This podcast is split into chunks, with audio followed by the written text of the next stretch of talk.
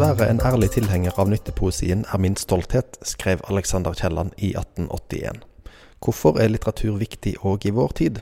Med Kiellands nyttepoesi som bakteppe ble Kielland-forelesningen relansert under Kapittelfestivalen i 2017. Skandinaviske forfattere inviteres til å reflektere videre over litteraturens betydning både for enkeltindividet og samfunnet. Første forfatter ut var Vigdis Hjort. Jeg har kalt dette, denne forelesningen for å tale og tie om sitt liv. Alexander Kiellands onkel og gode venn Bernt Lange sa til ham en gang da hans sorger var på det verste. En får gå på jorden om den så er glødende. Disse ord er motto for denne forelesningen. Boga, boka 'Agerhøns med champagne', L. Alexander Kiellands opptegnelser til en selvbiografi, er interessant lesning av ulike grunner. Går man til den som til en tradisjonell selvbiografi, blir man antageligvis skuffet. Situasjonen er som følger. Alexander Kielland har ikke skrevet noe skjønnlitterært på år. Han har store pengesorger og har hatt det lenge. Han er syk. Han ligger på Bergen sykehus. Det er den 27. mai 1897, og han har tatt med seg alle sine almanakker. Alla denne, ser jeg for meg, helt fra 1872, for å samle dem i én bok. Siden tar han også for seg almanakkene fram til 1902, altså almanakker fra en periode på 30 år. Notisene i disse almanakkene, som nå er tapt, må ha vært stikkordaktige. Og vi følger Kielland i forsøket på å tyde dem og huske situasjonene de ble skrevet ned i, og fylle ut en smule. Likevel blir det ikke til stort. Teksten er på knappe 70 sider. Den eneste opptegnelsen fra hele 1872 er typisk. De første som går sånn. De første små bøker hadde jeg i lommen, og de inneholder all verdens opptegnelser og regnskaper om teglverket og ikke stort annet. Den 8. mars utbetalte jeg til Jonas Kielland den kontante kjøpesum som ble til overs for ham. 72 spesidaler er lik 288 kroner, og overtok gjelden som var omkring på 800 spesidaler, tror jeg. Utover våren var jeg hver dag på Malde, spiste ofte middag hos gamle madam Nilsen for 16 skilling, eller kom hjem til middagstid hos far. Lehmann bygde ringovnen om og sammen med Aasland drev vi alle våre arbeider med leropptagning osv. Det var begynnelsen til en overstrømmende lykkelig tid. Og det er jo ikke mye for 365 dager. Men det er fint å høre at det var en lykkelig tid, særlig for dem som vet hva som skal komme. Det hadde likevel vært lettere å se det for seg, som det heter, om man hadde gitt oss litt mer på kjøtt på beina, som det heter. En annen typisk opptegnelse fra 1887 går sånn. I desember hadde vi mange gjester. Kitty, Bakker, Betzmann, Fogner, Schandorf, Gade, Jacob S., frøken Bakker nummer to, Lis, Thommessen, Skjerning, Skretsvik, Heides spørsmålstegn. Det er nærliggende å anta at disse opptegnelsene ikke var ment for utgivelse slik de står, men at Kielland laget et skjelett for et litterært verk han planla å skrive siden når han fikk tid eller lyst. Men han gjorde det altså aldri. Hvorfor er spørsmålet i denne epistel, når han ved et slikt verk kunne hatt håp om å redde både økonomien og forfatternavnet? Mange av opptegnelsene kan minne om mine egne dagboksnotater, som er av liten interesse for andre enn meg. Der står det kanskje om gårsdagen, til kapittelfestivalen, møtte Tor B på flyet, det utartet. Når jeg selv leser setningen, som ikke vil si utenforstående noe særlig, om kanskje et år, vil jeg antagelig huske situasjonen, på hvilken måte det utartet, om det var ubeha en ubehagelig utartelse, om det var alkohol med i bildet, osv.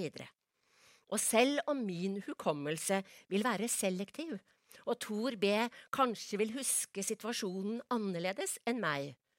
Ja, i den grad at de to versjoner kan framstå som uforenlige, er det bare ved å utdype og beskrive situasjonen, sett fra min synsvinkel, eventuelt fra Thor Bs, eller en tilfeldig medpassasjers, at den kan gi mening for en leser. Og også for meg selv, for eksempel om ti år, når episoden muligens er glemt og jeg kanskje heller ikke husker hvem Tor B er. Hva avgjør hva som blir stående i minnet? Og hva avgjør hva vi finner interessant og verdt å utdype i ettertid? Disse spørsmål drøfter Kielland indirekte i denne boka, og det er spørsmål som angår oss alle. I Agerhønst med champagne handler det mye om penger, og det er ikke rart. Alle som har hatt økonomiske problemer, vet hvordan det preger tilværelsen. Men også at når regningen er betalt, er den umiddelbart uinteressant, også for den som bekymret seg for den. Derfor kan vi se for oss at Kielland ikke blir inspirert over almanakker fulle av fortidige tall. I den eneste opptegnelsen fra 1873 står det ikke særlig mer enn at Kielland den 20. februar betalte C.B. Svendsen 34 spesidaler og 79 skilling for et gullteppe. Hadde Kielland satt seg fore å skrive en selvbiografi med utgangspunkt i disse opptegnelsene, ville han, om han skulle ha noe med fra 1873, antagelig fylt ut noe her, og vi ville kanskje fått vite om C.B. Svendsen var en mann eller en kvinne, kanskje hvordan hun eller han så ut, muligens hvordan overrekkelsen av pengene foregikk, og hvor han hadde fått dem fra. For hvorfor penger fra er et tilbakevendende tema. Og kanskje hvordan gulvteppet så ut, og hvordan, hvor det skulle ligge. Og det er kanskje til å forstå at han ikke bega seg i kast med det. Men hadde han gjort det, så mange år etter, ville det ikke overrasket om C.B. Svendsen ble beskrevet som en tykk og glupsk person. Og den journalist som klarte å grave fram et fotografi av C.B. Svendsen som viste at hun beviselig var mager, for å bruke det mot forfatteren, ville gå glipp av Kiellands poeng og antagelig eneste beveggrunn for å utdype episoden, nemlig at for en som gjennom livet var i så stor økonomisk forlegenhet som Kielland, ville enhver han skyldte penger, fortone seg som velberget og grådig. C.B. Svendsen får ha ham unnskyldt. Men Kielland utfyller ikke. I en opptegnelse leser vi at sønnen bodde, står fast i Berlin av mangel på penger, og at Kielland med mye møye får lånt 60 franc, nei, mark, tror han, som han telegraferer til sønnens hotell. Så står det, jeg forvinner aldri den dag da han satt fast uten penger i et, i et hotell i Berlin. Men jeg glemmer det fort, for jeg aner ikke hva Bodde gjorde i Berlin, eller hvordan pengene hans ble borte, eller av hvem Kielland fikk låne 60 mark, og derfor er det vanskelig å leve seg inn i nøden. Også når han skriver jeg må gå fort henover disse forferdelige år, er det vanskelig å ta forferdelsen innover seg, for jeg får ingen detaljer om hva den består i, og blir ikke berørt, som det heter. Men fred være med det. Mer irriterende er det når det dukker opp et ord eller en setning som pirrer nysgjerrigheten, men etterlater meg utilfredsstilt. Han skriver at Bodde kom hjem fra utlandet som en, en riktig mislykket og ganske interesseløs person. Mm, på hvilken måte mislykket, på hvilken måte interesseløs. Og som en kommentar til et selskap de har vært i, de er i veldig mange selskaper, står det uhygge og lummerluft. Hva slags uhygge, hva slags lummerluft? Et annet sted står det at de hadde et mislykket barneball. Hæ? Det hendte altså et par ganger i begynnelsen av lesningen at jeg ønsket Kielland hadde skrevet den fengende selvbiografien han en stund hadde planer om, men ganske snart støttet jeg ham i hans avståelse. For plutselig, mellom oppramsninger av pengesummer og middagsgjester, står enkelte setninger ut på en måte som får meg til å tenke at Agerhøns med champagne foregriper Dag Solstads Det uoppløselige episke element i Telemark i perioden 1591-1896, der han nettopp nekter å skildre, beskrive, forsøke å levendegjøre, men lar de historiske fakta tale for seg selv, og når han da en sjelden gang gir noe mer, en setning her eller der, løftes teksten, og det kastes et forklarelsens lys både bakover og forover. I Agerhøns med champagne står det for eksempel jeg fortsetter på dette arbeidet i Molde den 3. april 1904. Her mangler almanakker for årene 1888, 1889, 1890. Jeg har bare en liten notisebok. Nei, nå fant jeg 1888! Og hvilket plutselig nærvær! Og hva står det så om den gjenfunne almanakken fra 1888? Den er full av sne. Den 23. april 1900, 1900 kan vi lese at gamlefru Sørensen, født Knagenhjelm, er død. Hun hadde jeg ikke hørt om, så det gjorde meg ikke så mye, men etter informasjonen om at gamlefru Sørensen, født Knagenhjelm, var død, fulgte tre ord som satte både henne og Kielland i perspektiv. Og min kanarifugl. De døde på samme dag, kanarifuglen og gamlefru Sørensen, født Knagenhjelm, og det er sannelig verdt å notere. Tre andre opptegnelser er også interessante. Den 13. juli hadde jeg innsendt ansøkning om byskriverembete i Kristiania. Det var aldeles ingen mening i det, men Beate var allerede da begynt å plage livet av meg, og jeg ga etter. Beate er konen. Litt senere. Jeg levde en tid som jeg aldri skal glemme, gikk og stelte halvsyk og fortvilet med halsbyll ovenpå, og Beate vanskelig og fordringsfull nede. Og den 17. august kjørte jeg til Sanne med frøken ZW. Den 18. ser jeg at jeg sendte ansøkning om å bli borgermester i Kristiania. Nu bak etter skjer jeg med skrekk hva Beate kunne få meg til. Tenk om de hadde taget meg på ordet. 9. september, rendezvous mank, avec, ZW. Trenger jeg flere enn disse få setninger om Kiellands ekteskap med Beate? Og jeg trenger heller ikke vite noe som helst om ZW for å kjenne glede over at Kielland fikk seg en kjøretur til Sanne med henne, og at de en knapp måned senere hadde et rendezvous manqué. Om noen vil innvende at Kielland godt kunne ha elsket sin Beate til tross for slike setninger, og at en biltur og et rendezvous manqué med en viss ZW antagelig må være for en bagatell å regne i sammenligning med det årelange ekteskapet, er det fordi de lider av den vrangforestilling at en selvbiografi kan levere noe fullstendig og rettferdig. Det er antagelig den økende innsikten i det uoverkommelige prosjektet Kielland opparbeider i møte med almanakkene, som får han til å droppe det. Og det er jeg glad for, for bare derfor kan jeg lese Baby var hjemme, for Krag og Bukken Lassen kom den 29., men hvor var Beate? For det er et interessant spørsmål, og jeg er glad for at Kielland stilte det og lot det bli stående. I en tradisjonell selvbiografi ville det aldri blitt stilt. Et par steder legger han til noe som kan ligne en fortelling, og det er når han har noe på hjertet, som det heter. Han oppdager at onkel Aksels navn går igjen i almanakkene, og føler åpenbart et behov for å forklare og begrunne. I denne tid var det at Beate og jeg knyttet således til onkel Akses hus, at vi der hadde mer vårt tilhold enn hjemme i fars hus. Hans kone gjorde hva hun kunne for å trenge oss, især Beate, ut, og det lykket hennes altfor godt. Det hele forholdet til far gikk tyngre og tyngre.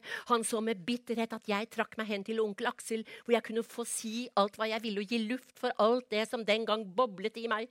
For far så det kanskje nærmest ut som om jeg holdt meg til onkel Aksel fordi det var bedre levemåte, mer vin og flottere hus, og jeg tviler ikke på at det ble således framstilt for ham, ikke blott av hans kone, men av mange i familien. Tid en misforståelse og miskjennelse jeg har lidd under like fra jeg begynte til å bli noe innen familien. Den var straks på ferde og har trolig fulgt meg til denne dag. Men hos onkel Aksel var mitt fristed.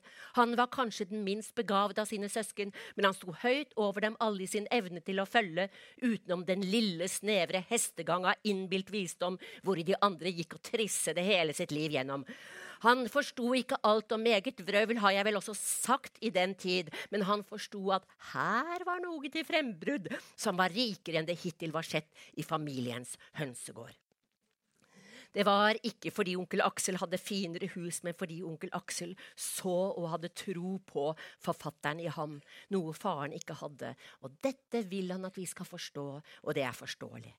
Men når han siden leser almanakken fra 1881, som for øvrig er nesten tom, skriver han, ja, januar er så gar revet ut, skriver han, og jeg lurer på hva som sto der, som ikke bare kunne strykes over, man måtte rives ut, og det er verdt å tenke over, betydning av, av alt vi grundig makulerer.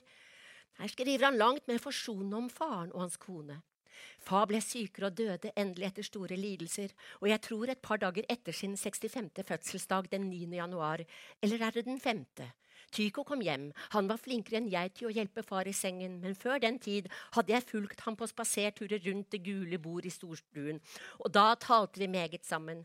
Han gjorde meg et slags avbikt for den misforståelse og urett han hadde vist meg mot meg som forfatter, og vi følte begge at han tenkte på påvirkningen fra sin kone, men hun fikk forresten ros av oss alle for sin utrettelige og oppofrende pleie av far under hele sykdommen.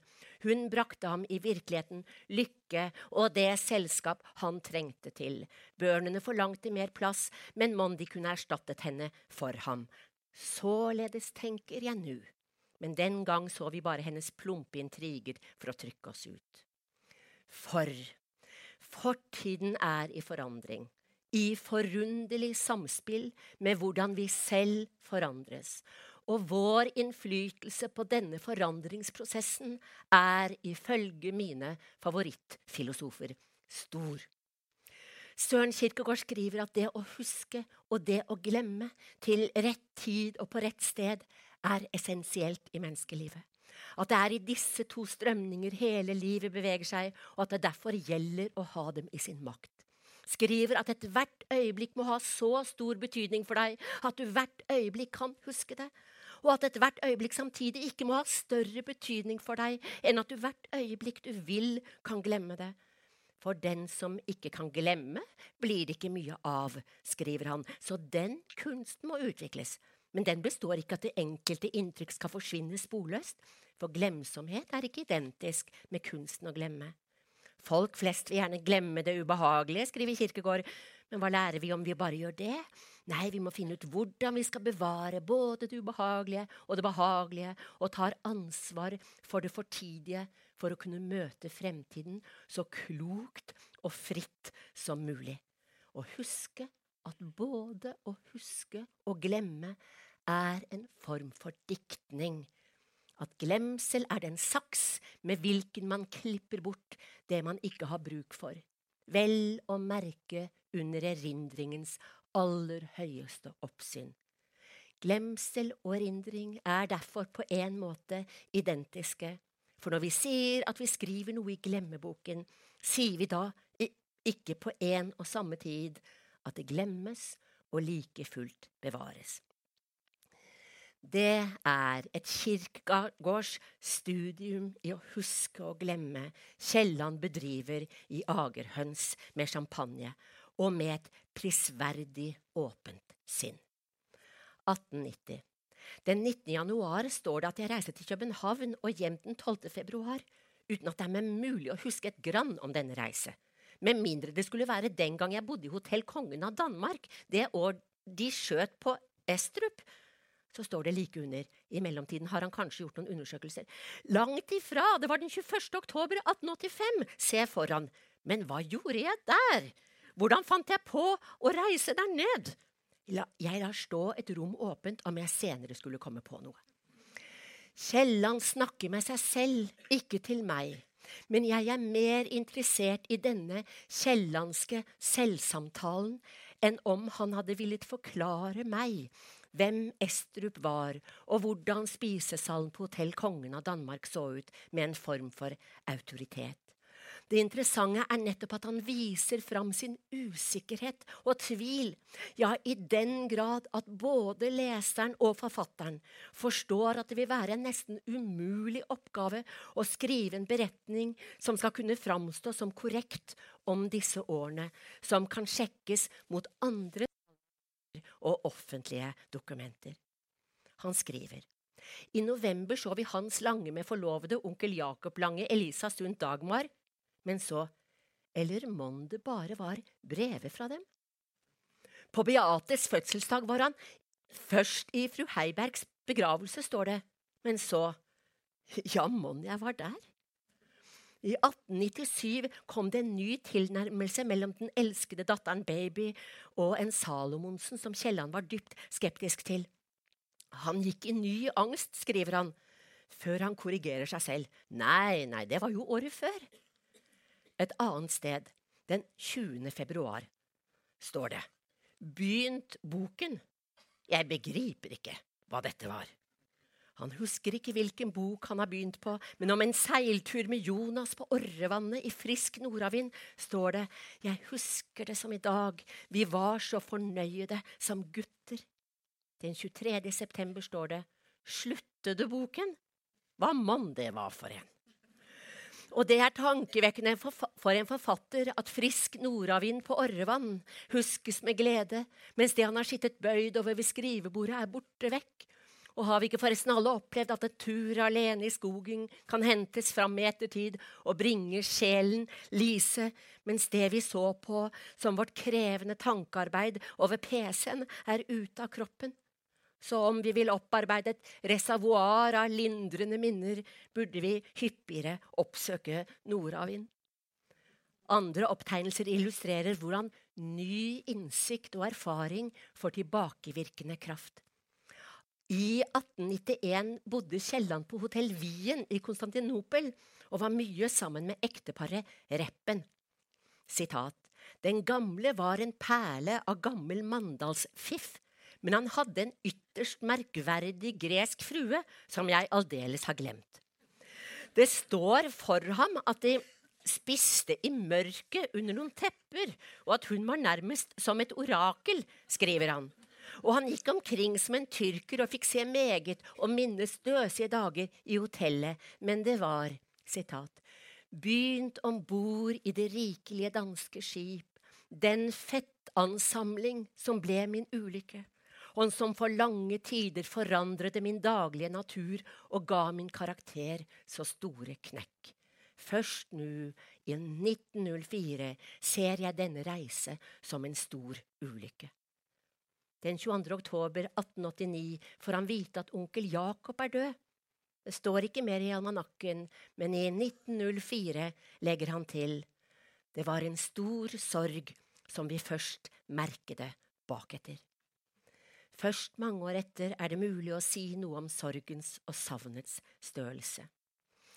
Disse eksemplene illustrerer hva vi alle kontinuerlig erfarer, at vår livshistorie ikke ligger fast, men er i stadig bevegelse, og derfor er det kanskje dumt å servere seg selv eller andre en for fast fortelling om fortiden som man låser seg til eller støtter seg for mye på, og slik kanskje hindrer fortiden i å være levende og i bevegelse og kanskje også til det bedre for oss.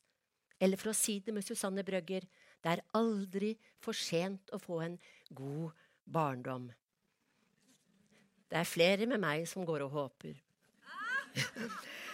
Det virker på meg som om Kielland, dess mer han studerer sine almanakker, vegrer seg mot selvbiografiprosjektet, og av stadig flere grunner av den at han forstår at fortiden ikke ligger fast, men også fordi han åpenbart føler ulyst og lede ved tanken.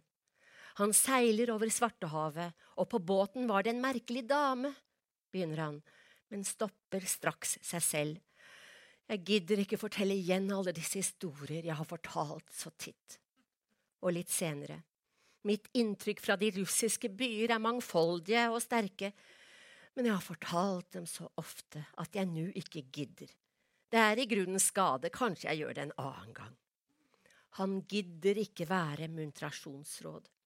Men det smertefulle vil han, vil han heller ikke dvele ved. De siste to setningene fra 1882 går sånn Om jul står det intet, uhyggen var begynt. Året etter skriver han at han aldri før har vært så ulykkelig, Julen tilbrakte han hos Jane, står det, men fra den husker han ingenting. De siste ordene er et forferdelig år. Opptegnelsen fra 1888 avsluttes slik. Mer finnes ikke i almanakkene, men jeg kan se at skyene trekker seg sammen mot de onde år. Og det står fæle dager i almanakken, og jeg kan ennu minnes dem. Ikke mer. Men det er altså ikke fordi han ikke husker dem, han ikke utdyper. Han vil eller orker ikke gå inn i det, og det holder jeg med ham i. Hvorfor gjenoppleve fortidens smerte og forsøke å gjøre den levende for oss, hvis det ikke føles påkrevet for ham selv. Kanskje klipper han i stedet minnene bort under hukommelsens aller høyeste oppsyn. Oss innvier han i hvert fall ikke. Men det er også en tredje og kanskje vesentligere grunn til at han gir prosjektet opp. I 1878, mens faren med kone var på reise, pakket Kielland i all hemmelighet og reiste til Hamburg, uten å si noe til andre enn Beate og Andreas. Om turen står det. Når jeg skriver dette, husker jeg alle omstendighetene ved reisen, og det kan være nok. Jeg vil ikke etterlate meg hemmeligheter som kunne forvirre og forråde hva der ikke kommer andre ved. Mennesket har behov for hemmeligheter, for avlukkede rom i psyken. Freud hevdet riktignok at det er en nær forbindelse mellom psykiske lidelser og hemmeligheter, at ulike traumer og krenkelser avsondres i personens indre, isoleres fra andre tanker og følelser, og kan siden vende tilbake som angst eller andre tilsynelatende uforståelige symptomer. Og det har han rett i. Og at helbredelse kan oppnås når hemmeligheter avdekkes og innlemmes i bevisstheten. Bildet av psykoanalysen som en behandling som bringer hemmeligheter opp i dagen, er delvis riktig. Men den som går i behandling, kan erfare at det kan være vel så viktig å forstå bakgrunnen for at noe ble til en hemmelighet, motivet for hemmeligholdelsen, og kan erfare at hemmeligheter, de ubevisste, men særlig de bevisste, kan være av vital betydning. Psykoanalysen har i de seneste årene beveget seg i retning av å ha større aktelse for menneskenes hemmeligheter, eller kan man si mot en rikere forståelse av hva det vil si å være åpen. Å være ærlig er ikke ensbetydende med å si alt. Dette er viktig å ha i mente nå som vi lever i en helt annen åpenhetskultur enn på Freuds tid, og at det derfor ikke bare er smart å lære seg kunsten å glemme og kunsten å huske, men også kunsten å tale og kunsten å tie. Å holde noe for seg selv og ha hemmeligheter er en betingelse for å tenke og for å utvikle et jeg. Når vi tenker, vet vi at vi kan holde tankene for oss selv. Derfor tør vi tenke. Langt, vidt, bredt. Vi kan velge å kommunisere tankene våre, men vi er ikke forpliktet til å rapportere dem. Og de fleste menneskers tankeaktivitet foregår i hemmelighet. Og det skapende i denne hemmelige aktiviteten oppleves Opplevelsen av at tankene vokser fram, kan være forbundet med stor lyst og en følelse av frihet, som kan gå tapt hvis man forsøker å gjøre rede for dem med ord. Ord kan bli fattige, som det heter. Alexander Kielland sitter alene over sine almanakker fra 30 år tilbake i et forsøk på å huske og fylle ut. Men det er så mye han ikke husker, og så mye det han husker han ikke vil eller kan skrive, at det ikke blir stort. Og likevel fornemmer leseren at det under studiet av almanakkene foregår et stort selverkjennelsesarbeid i ham. Filosof Filosofen Ludvig Wittgenstein mener at filosofiens dypeste kilde er manglende selvinnsikt. Og fordi det som skal forstås, er en selv, kan det filosofiske arbeidet sammenlignes med psykoanalysen.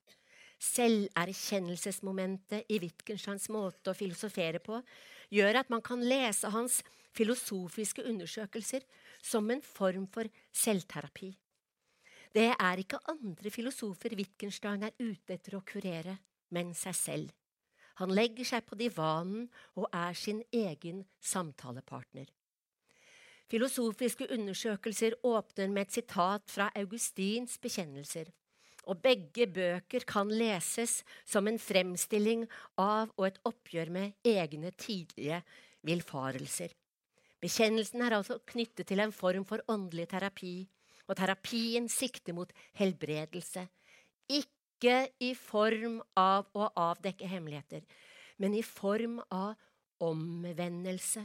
Et skifte av perspektiv på seg selv, på sitt liv, på det som plager en, og på det som er av betydning. Det er kun den enkelte som kan gjøre dette. Ingen andre kan gjøre det for deg. Andre kan kanskje hjelpe deg ved å stille treffende, kritiske spørsmål, men inn, i siste instans er du overlatt til deg selv. Jeg innbiller meg at det er et slikt perspektivskifte på sitt liv Kielland gjør under arbeidet med agerhøns med champagne. Men han velger å ikke sette ord på dette, i hvert fall ikke på noe papir som er funnet. Fordi det kanskje ikke er nødvendig. For å sitere den før nevnte Wittgenstein, det finnes rett nok noe uutsigelig. Det viser seg. Og Freud skriver på sin side at ovenfor den som har øyne å se med og ører å høre med, kan ingen dødelige ha hemmeligheter. Den hvis lepper tier, han sladrer med fingertuppene, forræderiet siver fram gjennom alle porer. Dette vet forfatteren, hun behøver ikke skrive alt ned med rene ord, som det heter. Hun behøver ikke gå inn i alle rom, beskrive alle detaljer. Hun kan beholde hemmeligheter i trygg forvissning om at essensen av dem, hvis de er viktige for prosjektet, pipler fram mellom linjene og ordene. At de dypeste hemmeligheter ligger som en krypt i psyken og produserer tanker, ord, følelser, bilder, kunst. Søren Kirkegård skriver i sin journal den 9. juni 1847. Forbarmende Gud, hvor dog også min Fader i sitt tungsinn har gjort reddsomt urett mot meg. En olding der lesser hele sitt tungsinn av på et stakkars barn, for ikke ikke og tale om det enn forferdeligere. Dette enn forferdeligere kommer Søren Kirkegård stadig tilbake til i sine skrifter. Og Joakim Garf skriver dette i sin biografi om ham. Kirkegård visste nok hva han talte om, men inntil videre talte han ikke om hva han visste. I hans journaler leter man forgjeves etter det konkrete innhold av Faderens formastelige overgrep. Men det betyr ikke at det bare er forsvunnet ut av historien. Tvert imot. Med sine traumatiserende overgrep har faren nemlig forsynet sin dreng med en kunstnerisk egenkapital, som sønnen formår å forvalte genialt ved å investere den i sine pseudonyme skrifter vil man avlokke ham hemmelighetene, de voldsomme og de mindre, er man derfor henvist til at av, avlytte disse skrifter, mistenksomt, vedholdende og en gang til. Den tradisjonelle selvbiografien Alexander Kielland så for seg at han skulle skrive da han satte seg ned med Almanakkene den 27. mai 1897 på sykehuset i Bergen. Og nå er det viktig å ha i mente at når det kom til litteratur, var Kielland ikke en eksperimentell mann. Vil kreve noe av ham, forstår ham, som han ikke vil levere. Hadde han villet skrive om sin antagelig perspektivendrende erkjennelsesreise gjennom almanakkene, gjetter jeg på at han ville skrevet en roman. Når en forfatter bruker ordet roman om en tekst, altså også om elementer i den er hentet fra eget liv, noe annet er for øvrig umulig, er det ikke av feighet for å unnslippe faktasjekking eller moralske bebreidelser. Og det gjør hun forresten ikke uansett, har det vist seg. Det er fordi forfattere flest har en dyp innsikt i hvor vanskelig det er å skrive noe som er sant for andre enn forfatteren selv og at å skrive en selvbiografi, altså noe som er definert som sakprosa, for de fleste skjønnlitterære forfattere ville innebære å gi avkall på de mest fininnstilte litterære verktøy, og i tillegg være en ganske uhåndterlig, mental og praktisk, for ikke å si kjedelig øvelse. For man ville jo likevel ikke røpe de innerste, avgjørende, virkende hemmeligheter, verken sine egne eller andres, mens man i en roman ville kunne gitt dem et stort virkerom. Helene Sixot har sagt at selvbiografisk er et ord hun unngår. Jeg har alltid vært det, skriver hun, men verken mer eller mindre enn Montaigne og enhver skribent, at ordet selv alltid allerede er noe annet. Oversettelsen er allerede begynt. Hun påstår at alle forfattere starter det selvbiografiske, men bare som et utgangspunkt. Filosofen Sissou insisterer på sine teksters fiksjonskarakter. Alt jeg skriver, er oppdiktet, i det minste oversatt, fra fransk, fra hukommelsen, fra vitnesbyrdet, fra en so-called virkeligheten. Virkeligheten er so-called fordi det er et upresist begrep for det en person kan erfare. Det er ikke det selvbiografiske som er poenget for forfatteren, men transformasjonen til fiksjon. Og det gjelder oss alle. Vi transformerer alle til en slags fiksjon når vi åpner munnen, og når vi lukker den. Eller for å si det med Søren Kirkegård, jeg kan ikke framstille meg selv ganske sant, selv når jeg gjerne vil. Vi kan ikke fremstille oss ganske sant selv når vi gjerne vil.